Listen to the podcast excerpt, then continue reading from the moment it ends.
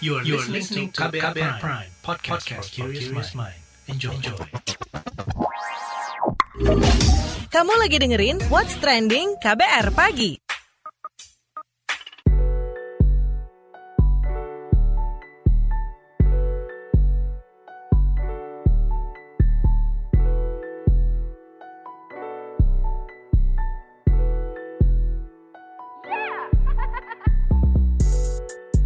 KBR Pagi, siaran pagi radio paling update. Selamat pagi. Apa kabar Anda hari ini di hari Kamis 29 Juli 2021? Kembali lagi Don Brady menemani pagi hari Anda di What's Trending KBR Pagi pastinya. Jadi baru-baru ini studi kolaborasi dari peneliti Pusat Pengendali dan Pencegahan Penyakit Jiangsu Fudan University dan Sinovac menunjukkan antibodi dari penyuntikan vaksin dua dosis Sinovac akan menurun selama 6 bulan sehingga dibutuhkan dosis ketiga atau booster untuk meningkatkan kembali kekebalan tubuh. Namun penelitian ini masih memerlukan penelitian lebih lanjut terkait durasi antibodi usai penyuntikan dosis ketiga. Soal itu juru bicara Satgas COVID-19 Wiku Adhisa Smito menyebut bahwa bila ditemui kondisi antibodinya tidak mencukupi lagi untuk memberikan efek perlindungan individual, maka perlu dilakukan vaksinasi lagi atau yang disebut booster.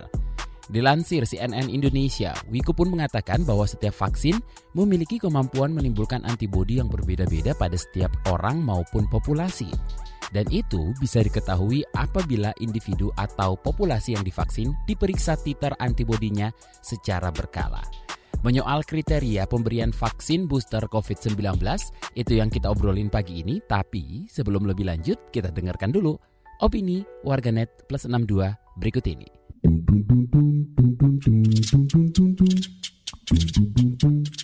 Kita ke komentar at Hafi Kid Noise. Lagi COVID ya bervarian-varian, vaksin kita pun akan berdos-dos as booster. Lanjut komentar at Andi Nurpati 3. Setuju prioritas tenaga kesehatan di vaksin booster karena mereka garda terdepan. Semoga COVID cepat berakhir. Lalu komentar at OB Babe, setelah nakes bolehkah kami juga dapat vaksin ketiga atau opsi booster juga? Sekeliling saya sudah lengkap vaksin tapi banyak juga yang tumbang kena COVID-19. Lalu komentar at Fahreza Bey, pengen dapat vaksin booster itu deh. Komentar at Fikru Rizal, negara-negara kaya sudah berpikir booster vaksin. Negara-negara lain masih berjibaku bahkan untuk vaksin pertama. Ini ibarat kebakaran kompleks perumahan padat tapi orang-orang cuma fokus mematikan api di rumah masing-masing tweet atok. Listen, booster shot hanya boleh dilakukan selepas semua orang dah dapat vaksin. Jangan pentingkan diri fokus bagi perlindungan untuk semua dulu. Sikit-sikit nak booster shot, banyak lagi orang-orang lain pun satu dos tak dapat. Selfish. Komentar at Shirley Yasin, sedih sih sampai saat ini di desaku belum ada vaksin. Entah yang salah di mananya, masyarakatnya, para desanya, tenaga kesehatannya, atau memang dari atas sana. Dan terakhir komentar app Subga underscore min, vaksin booster selain berikhtiar, pemberi Pemberian yang ketiga ini bagiku sebagai salah satu bentuk upaya mewujudkan the beginning of new era 2022. Semoga dunia lekas membaik. What's Trending KBR Pagi Balik lagi di What's Trending KBR Pagi menyoal kriteria pemberian vaksin booster COVID-19. Itu yang kita obrolin pagi ini ya. Jadi Kementerian Kesehatan Republik Indonesia telah memulai penyuntikan vaksin booster untuk tenaga kesehatan dengan menggunakan vaksin COVID-19 dari Moderna pada 16 Juli 2021 lalu. Upaya ini dilakukan untuk memberikan perlindungan tambahan pada tenaga kesehatan yang menjadi garda depan dari penanganan COVID-19. Lantas bagaimana WHO menjawab soal siapa saja yang perlu mendapat vaksin booster kita obrolkan bareng penasehat senior Dirjen Organisasi Kesehatan Dunia atau WHO, Dia Satyani Saminarsi. Bu Dia, bagaimana nih Anda melihat klaim mengenai pentingnya booster vaksin karena menurunnya efektivitas Sinovac setelah enam bulan? Apakah WHO melihat urgensi yang sama? Memang ada concern sekarang dengan kenaikan varian Delta. Ada concern apakah vaksin itu manjur terhadap varian baru ini kan, terhadap varian Delta dan kemudian juga sudah ada varian lain yang menjadi interest dan juga menjadi concern dalam kondisi seperti ini kita harus melihat bahwa dua hal yang satu prinsipnya adalah prinsip vaksin equity. Maka seluruh orang di seluruh dunia ini yang sedang terkena pandemi harus mendapatkan vaksin. Itu adalah dua dosis.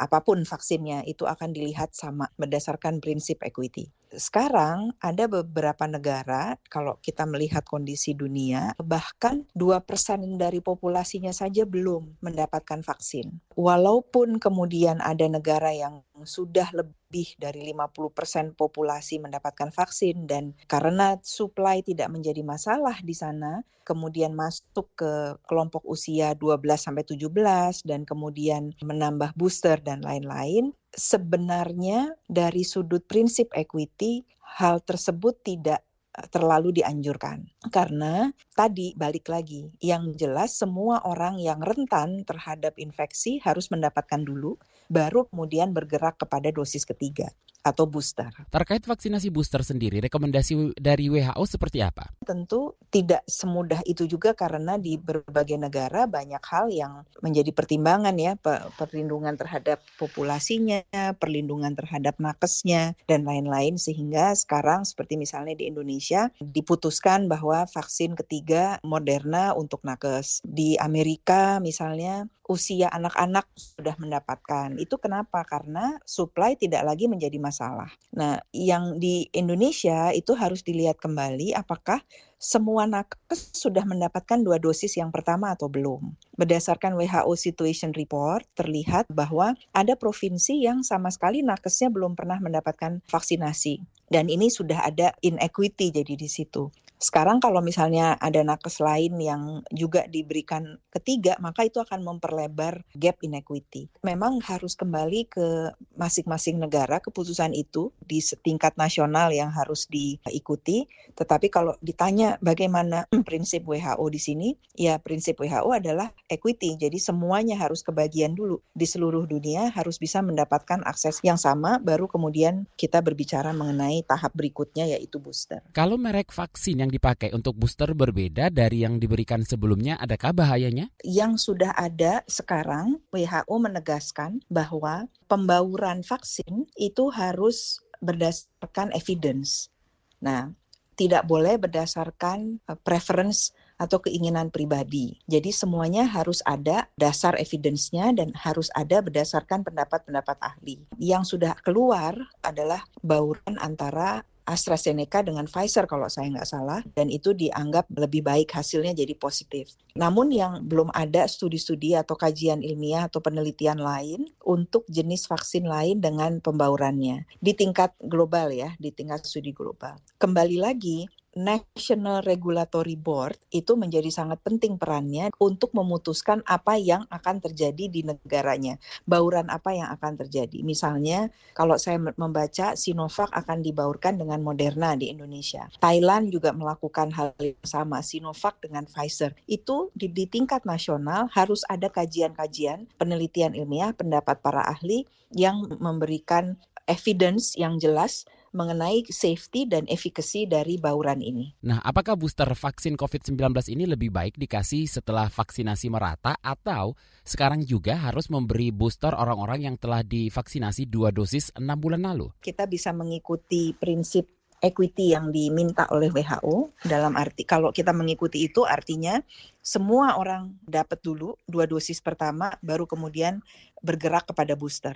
Tapi mungkin ada pertimbangan lain yang diambil oleh setiap negara, dalam hal ini Indonesia, mungkin dalam hal ini negara lain, di mana vaksin ketiga itu kemudian diberikan terlebih dahulu kepada yang dianggap paling berbahaya, paling rentan, baru kemudian sambil atau dalam paralel memberikan dua dosis dengan yang lain, dua dosis kepada populasi yang lain. Bisa aja begitu. Tergantung strategi dalam pemberian vaksin itu bagaimana sebenarnya. Yang diminta oleh WHO adalah prioritas kepada populasi rentan sehingga harus ada definisi mengenai kelompok rentan di setiap negara itu apa? Siapa kelompok rentan? Siapa yang termasuk dalam kelompok rentan ini? Karena itu adalah yang diminta. Untuk dalam kondisi saat ini supply belum mencukupi, maka dibutuhkan prioritas diberikan kepada kelompok rentan sehingga setiap negara kemudian jadi punya PR dalam tanda kutip untuk mendefinisikan siapa kelompok rentan di negaranya. Kalau sekarang dianggap ada vaksin lain yang bisa diberikan sebagai booster,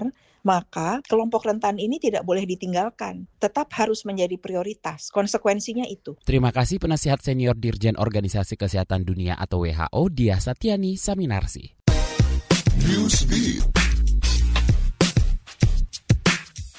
Perusahaan di Amerika terus mendorong vaksinasi bagi karyawannya. Bahkan mereka mengancam akan memotong setengah kenaikan gaji karyawan yang menolak divaksinasi COVID-19. Langkah ini dilakukan untuk membuat karyawan mau divaksinasi dan membentuk kekebalan komunal di tengah penyebaran varian Delta yang dianggap lebih cepat. Perusahaan-perusahaan menganggap setiap orang yang belum divaksinasi berisiko terpapar COVID-19. Saat ini Amerika Serikat mengalami lonjakan kasus dan selama sepekan ke belakang menempati posisi tertinggi di dunia.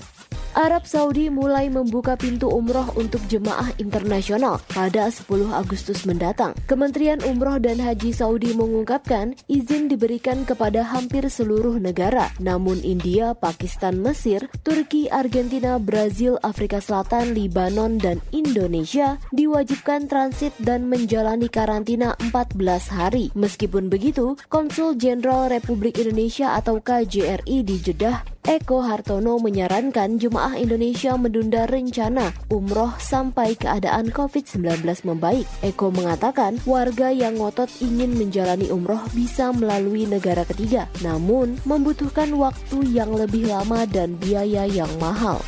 Syuting drama Korea The Sounds of Magic dihentikan sementara waktu akibat dikonfirmasinya aktor Ji Chang-wook positif COVID-19. Hal ini dikonfirmasi agensi sang aktor Glorious Entertainment. Ji Chang-wook sendiri tengah menjalani karantina dan perawatan sesuai kebijakan penanganan pandemi COVID-19. Drama The Sounds of Magic adalah drakor adaptasi dari webtoon yang menceritakan seorang gadis yang bertingkah dewasa karena tuntutan hidup. Suatu hari ia pun bertemu dengan seorang pesulap aneh yang bernama Leo yang diperankan Ji Chang Wook. What's Trending KBR Pagi. Masih bersama saya Don Brady di What's Trending KBR Pagi. Kita lanjutkan ngobrolin soal pemberian vaksin booster COVID-19. Nah, sementara itu epidemiolog dari Universitas Griffith Australia Diki Budiman menekankan pentingnya pemberian dosis ketiga vaksin COVID-19 atau booster untuk meningkatkan kekebalan tubuh di tengah munculnya studi terkait penurunan kekuatan sistem imun setelah enam bulan disuntik vaksin Sinovac. Meskipun begitu, Diki mengungkapkan pemerintah harus memiliki prioritas dalam pemberian vaksin booster, sebab vaksinasi COVID-19 di Indonesia masih belum merata. Lebih jelasnya kita obrolkan langsung bareng epidemiolog dari Universitas Griffith Australia, Diki Budiman. Mas Diki, bagaimana tanggapan Anda terkait hasil studi efektivitas vaksin Sinovac yang melemah setelah enam bulan dan memerlukan booster? Ini ya hanya membuktikan analisa atau hipotesa saya ya bahwa data dari lapangan, saya menyimpulkannya sih dari data di lapangan saja ya bahwa ada ada kasus infeksi, kematian, dan kemudian breakthrough infectionnya cukup banyak ya setelah enam bulan. Nah itu saja sudah membuat saya menjadi kesimpulan yang cukup memadai dan kuat bahwa ada penurunan setelah enam bulan untuk vaksin Sinovac ini. Dan itulah sebabnya perlu booster. Makanya saya eh, bulan lalu ya sebelumnya bahkan mengusulkan booster itu setelah melihat data angka kasus kesakitan di nakes ini ya. dan itulah saya sampaikan perlu ada booster untuk memberikan perlindungan tambahan ya menambah lagi perlindungan. Nah untuk booster apakah harus merek yang sama?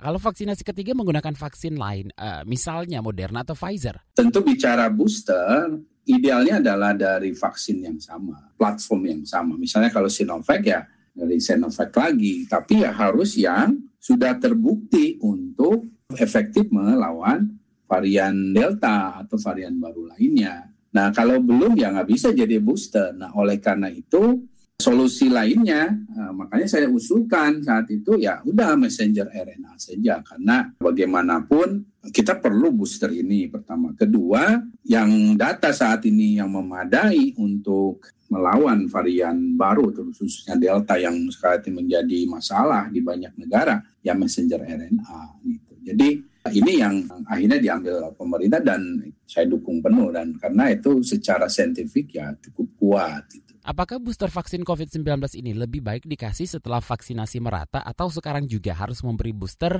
eh, orang-orang uh, yang telah divaksinasi dua dosis enam bulan yang lalu? Untuk masalah booster ini sekali lagi harus yang ditujukan dulu ah, tetap mengikuti namanya vaksinasi itu ada target target yang berbasis public health ya jadi artinya utamakan dulu yang rawan ya. Karena namanya booster jelas kriteria pertamanya adalah bahwa dia sudah menerima vaksin penuh dua kali kan enam bulan yang lalu. Nah itu udah kriteria pertama. Kedua ya dia harus ada dalam kategori rawan, rawan secara pekerjaan seperti tenaga kesehatan dan rawan secara kondisi tubuh baik lansia maupun yang komorbid itu yang jadi nggak bisa merata harus tetap berbasis public health. Ya. Nah gimana nih dengan kecukupan vaksin dan pengejaran kekebalan komunal? Masalah kecukupan vaksin itulah sebabnya kenapa ada yang namanya prioritas ya, dalam masa pandemi ini karena masalah keterbatasan stok vaksin. Kalau kita tidak taat pada target ini, tidak berbasis public health, yang akan cukup nanti, ya ini yang berbahaya ya,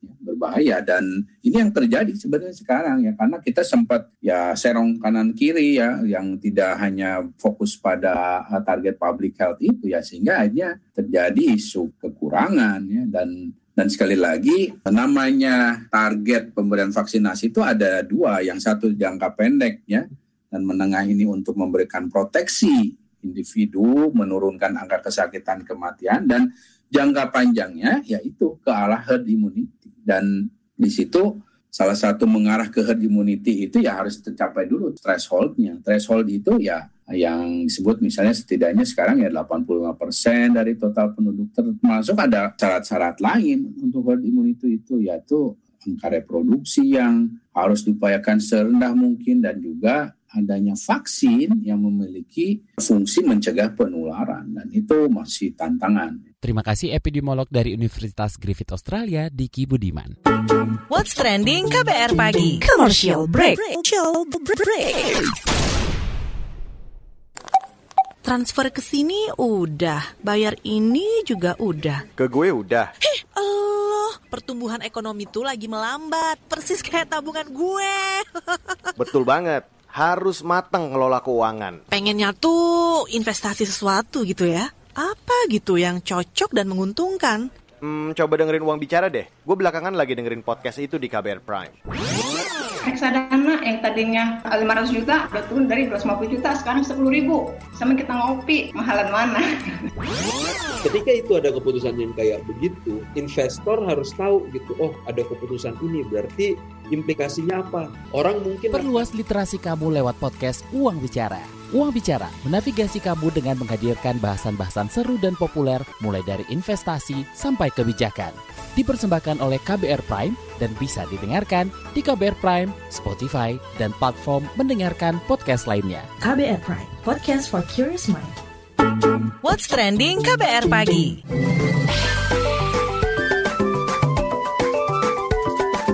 WhatsApp Indonesia. WhatsApp Indonesia dimulai dari Jawa Timur.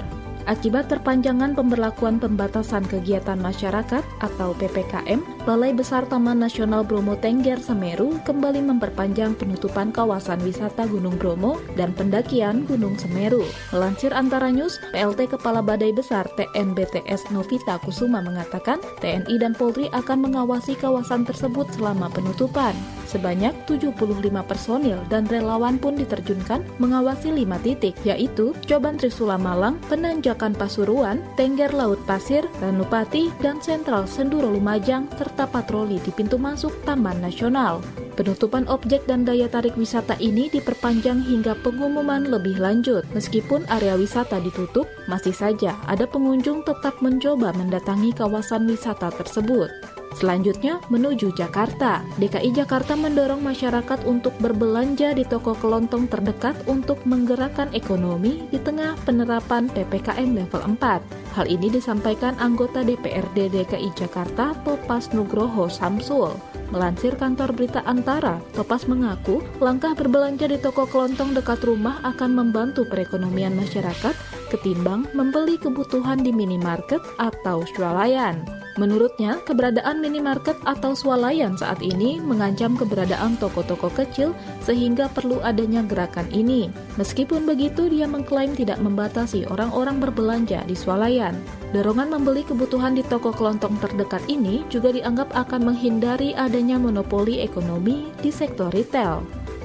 Masih dari Jakarta, pihak pengelola Taman Marga Satwa Ragunan memastikan pemeliharaan ribuan satwa selama pemberlakuan pembatasan kegiatan masyarakat level 4. Melansir Antara News, staf Humas Taman Marga Satwa Ragunan Wahyudi Bambang mengungkapkan pemeliharaan terhadap satwa serta fasilitas harus tetap dijaga, sehingga saat Taman Marga Satwa Ragunan dapat dibuka, objek wisata tersebut dapat beroperasi dengan baik. Selain itu, pihak pengelola juga mencoba mendorong wisata virtual melalui media sosial selama pemberlakuan pembatasan. Hal ini dilakukan agar masyarakat tetap bisa menikmati objek Taman Marga Satwa Ragunan selama PPKM level 4 dari rumah. Demikian WhatsApp Indonesia hari ini. Demikian KBR Pagi hari ini. Jika Anda tertinggal siaran ini, Anda kembali bisa menyimaknya di podcast What's Trending yang ada di Spotify, di kbrprime.id, dan di aplikasi mendengarkan podcast lainnya. Don't ready undur diri, besok kita ketemu lagi. Stay safe. Bye-bye. Terima kasih ya sudah dengerin What's Trending KBR Pagi. KBR Prime, cara asik mendengar berita. KBR Prime, podcast for curious mind.